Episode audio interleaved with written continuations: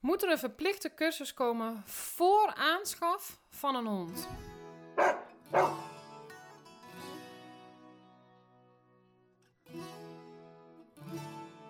is een lastige vraag, hè? Want ja, ik kan wel zeggen, oh, nou, dat juich ik echt toe. Fantastisch. Als ondergedragsdeskundige, als, als ik dat al niet toejuich.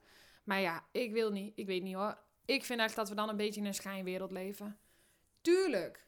Idealiter vind ik dat ook echt super cool. Vette maatregel. Gaan we doen. Beter gezegd zelfs, in januari van het volgende jaar komt er een cursus. Ik wil een hond. Wat moet ik doen? Simpelweg omdat ik in mijn bedrijf die transformatie wil maken. Zowel uh, voor mezelf als gewoon letterlijk die transformatie maken. Omdat ik soms zo moe word van het elke keer tegen de muur aanlopen. Van hetgeen wat we doen en denken over het hebben en houden van honden. En ik zeg dan moe als in. Uh, ik ben continu achter de feiten aan het lopen. Ik ben continu tegen die muur aan het opboksen van ja, maar jongens, het zou zo anders kunnen. Het is, zit soms zo anders in elkaar dan wat we doen, wat we denken, wat we verwachten, wat we willen met onze honden. En ja, ik denk dat dat wel een probleem is. Maar dat die cursussen moet komen, dat is de hulpvraag niet. Maar of, dat, of een verplichte cursus gaat helpen om bijtincidenten te voorkomen, ja, dat vind ik lastig. Dan missen we nog wel wat nuances, denk ik. Maar één, waar zit de handhaving? Hoe gaan we dit handhaven? Hoe gaan we dit controleren? Als ik kijk, en dit benoem ik ook in een andere podcast al, hoeveel honden er van slechte fokkers en broodfokkers vandaan komen, hoeveel partijen er zijn die zich hier knetterhard voor inzetten en deze broodfokkers willen aanpakken, maar ze kunnen bijna niet aangepakt worden, hoeveel mensen hun hond bij een broodfok kunnen vandaan kopen ja, dat is eigenlijk al het eerste probleem. Ja, oké, maar daar is die opvoedkussens dus voor. Ja, dat zal wel. Maar we hebben nu, kunnen we al bijna niet controleren waar we onze honden vandaan halen. Hoe wil je dan verplichten dat je zo'n cursus gaat kopen? Of ja, daar, daar komt het eigenlijk op neer.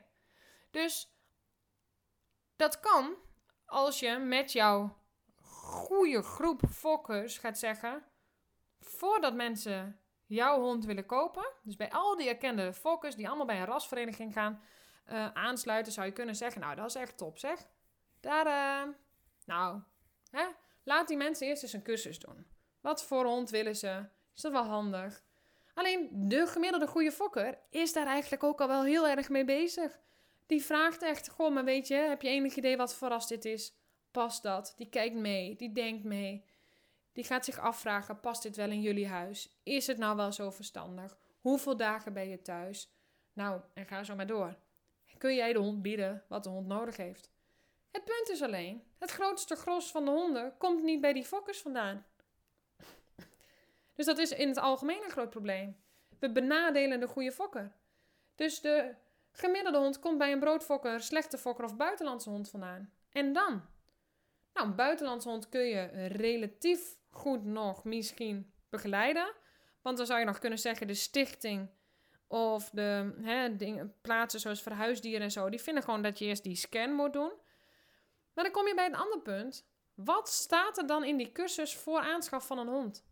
Want als ik bij asiels binnenkom, als ik bij stichtingen kom, als ik samenwerk met stichtingen, dan sla ik soms echt werkelijk. Ik val echt achterover van verbazing als ik kijk naar welke adviezen er komen over wat je met je hond doet. Echt adviezen dat ik denk, jemig, serieus? Eén, we doen symptoombestrijding. Ten tweede, we zijn helemaal niet bezig met de hulpvraag. Ten derde, we blijven me etteren op, jij moet de leider zijn. Want als, je, als jouw hond dat niet doet, dan... Zonder te kijken naar wat speelt er nou daadwerkelijk. Wat heb je aan te kijken? Ja, maar leiderschap dit, leiderschap dat, leiderschap... Ja, dat klopt, maar er is meer dan dat.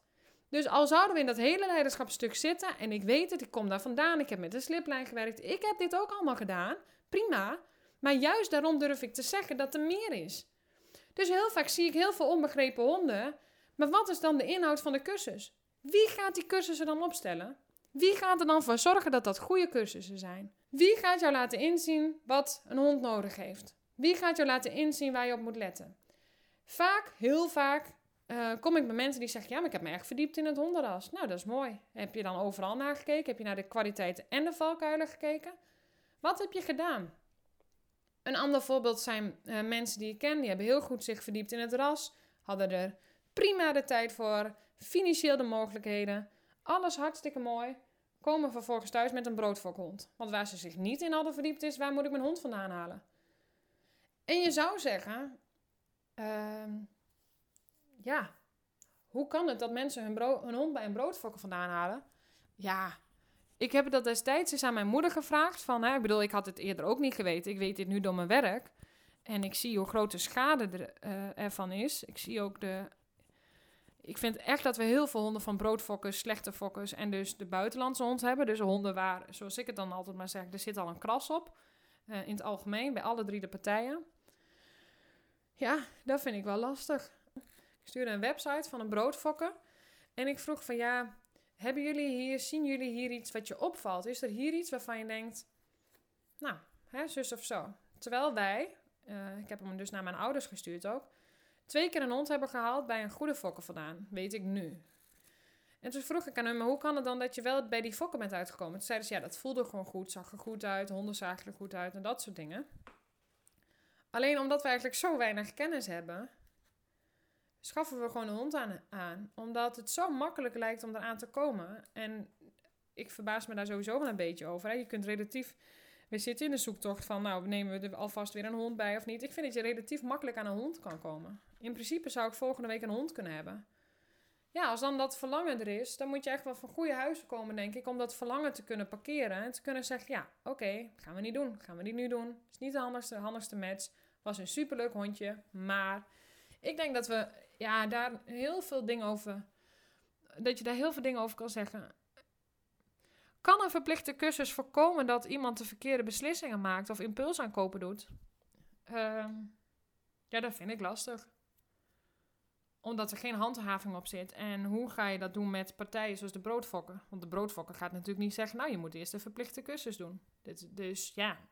Alleen als het grootste gros van de honden daar vandaan komt Inclusief dus die buitenlandse hond, die slecht gefokte hond. Ja. Nou, en eh, weet je, er zijn zoveel factoren die spelen die in zo'n cursus zouden moeten komen. Wie gaat die cursus dan maken? Wie, wie gaat dit dan doen? Ja, dat vind ik echt ik vind dat een hele lastige, hele lastige kwestie. Eh, vanuit mijn visie gezien zou ik zeggen, ja, dat wil ik ook. Hier, dit is waar het begint. Hier hebben wij een verschuiving te maken. Hier heeft de mens iets te veranderen. Uh, maar, maar of dat op, dit manier zijn, op deze manier zijn werk gaat doen en met welke kennis komen de mensen dan in aanraking om de keuze wel of niet te maken. Hè? Ik zei net al, ik vind dat we veel aan het oppervlak zitten van de keuze. Dus dan, uh, nou, dan, uh, dan zeggen we ja, nou, ik heb een border genomen, want wat ik daar zo leuk aan vind, is ze zijn trainbaar en uh, ze hebben heel veel energie. Ik hou van veel wandelen. Ja, nee, dat past echt wel binnen ons gezin. Nou, één zijn we dan al vaak niet bewust van die valkuilen. Het is hartstikke mooi dat zo'n hond heel trainbaar en, leergierig is. Maar dat betekent dus ook dat ze heel snel uh, associaties maken die eigenlijk niet had gewild. Uh, dat ze heel snel, ze zijn zo, zo, ze zijn zo slim. Ja, weet je, iedere hond, al die kwaliteiten hebben ook zijn uh, valkuilen. Heel soms zie ik een fokker die die ook benoemt. Die gewoon zeggen, ja jongens, ben je ook bewust van dit of dat? Um, het is toch vaak een beetje door een roze bril. En zeker met puppies.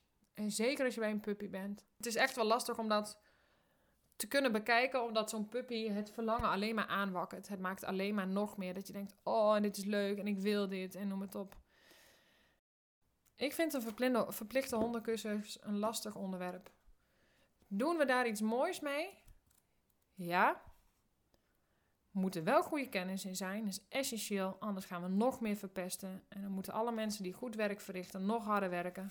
Dus alsjeblieft, zorg ervoor dat hier goede kennis achter zit. Anno 2024, daar zijn we bijna. Wetenschappelijke kennis zit erachter. Dat we verder gaan kijken, de hond moet maar gewoon luisteren. Dat we verder gaan kijken dan dat de hond een robot moet zijn. Dat we kijken naar het emotionele welzijn van de hond. Dat we welzijnsgericht werken. Dat we loslaten dat de hond maar gewoon de volger moet zijn. En dat alle problemen bij de hond ontstaan omdat hij de baas is en jij niet.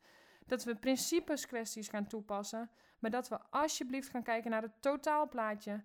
Dat we de verwachtingen van de hond aanzienlijk lager leggen. Dat we onze verlangen kunnen beheersen. Dat we onze impulsen kunnen terugdringen. En dat is iets wat wij mensen te doen hebben. Maar dan moet je een goede inhoudelijke cursus hebben. Met iemand die jou dat haarfijn kan uitleggen. Die jou kan vertellen wat de basisbehoeften van een hond zijn. Hoe je moet socialiseren. En dat we een aantal vastgeroeste overtuigingen moeten omdraaien in zowel de opvoeding van de hond als in dingen. Wat heeft een hond nodig? Is spel nou allemaal wel zo belangrijk? Wat is spel? Wat gebeurt er in een losloopgebied? Um, en moeten en kunnen durven te benoemen wat de verantwoordelijkheden zijn op het moment dat jij een hond schaft. In onze maatschappij, in hoe onze maatschappij eruit ziet. In ons kleine, overbevolkte landje. Waarbij het merendeel in het westen woont. Waarbij we met z'n allen in een woonwijk wonen, lopen. En toch ontzettend vaak door deze onwetendheid dingen doen die scheef voor scheefgroei zorgen.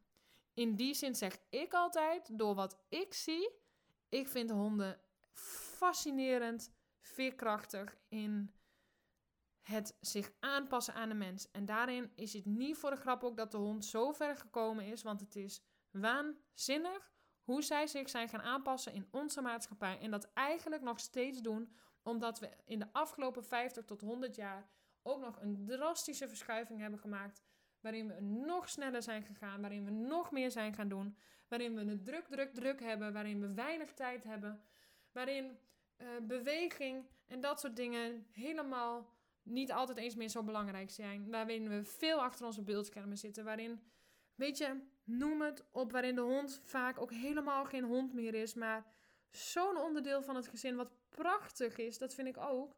Maar we daardoor soms ook verliezen dat het een hond is die anders is, die andere behoeften heeft, die niet jouw kleine kindje is, ook al mag die wel als een kind aanvoelen. Hè? Ik heb daar een podcast over. Mag je je hond als kind behandelen? Maar het ligt zo ontiegelijk genuanceerd. En echt, die nuances mis ik. En dan is het voor een deel ook pleisters plakken. Hoe, hoe goed kunnen we dit meetbaar maken? En ik denk dat er nog vanuit zo'n prachtig plan ook, ook kennis mist. Kennis ook over dat er zo ontzettend veel honden zijn die bij een fokker vandaan komen waar je echt, als je weet wat er gebeurt, kotsneigingen krijgt, omdat het echt verschrikkelijk is. Het is echt verschrikkelijk. En als we daar, daarbovenop plakken, dat we dezelfde, de verwachtingen op hetzelfde niveau leggen, van die goed gefokte, hond, die bij een goede fokker vandaan komt, met alle aandacht, die, um, nou, waar gewoon het hele partij klopt, heb je nog een genetisch pakketje, hè, maar dan heeft de fokker er alles aan gedaan om goede ouders uit te zoeken, om gezondheid voorop te zetten, niet alleen wat wij mensen mooi vinden aan een bepaald ras, dat ook in stand houdt, de teef en het welzijn van de teef uh, voorop zet. Dus geen, het wordt geen fabriek, het is een hond die af en toe een nestje heeft. Gewoon als al die dingen in kaart zijn, goed zijn bedoel ik, tuurlijk, prachtig. Dus prachtig plan in de ideale wereld. Alleen mijns inziens leven we in het algemeen, maar ook in hondenland, niet in de ideale wereld. En dan mag hier wel ook kritisch naar gekeken worden. Want laten we meer doen dan pleisters plakken. Veel meer. Een goede inhoudelijke cursus, maar vooral niet onderschatten dat wij ontzettend veel honden hebben die bij een fokker vandaan komen waar geen handhaving op zit. En ik denk dat we die nog wel eens onderschatten. Heel erg onderschatten. En dan is wel de vraag, wat gaan we daarmee doen? Bedankt voor het luisteren. Ik ga hem hiermee afsluiten. Uh, afsluiten. Wellicht komt er een vervolg op. En uh, tot de volgende keer.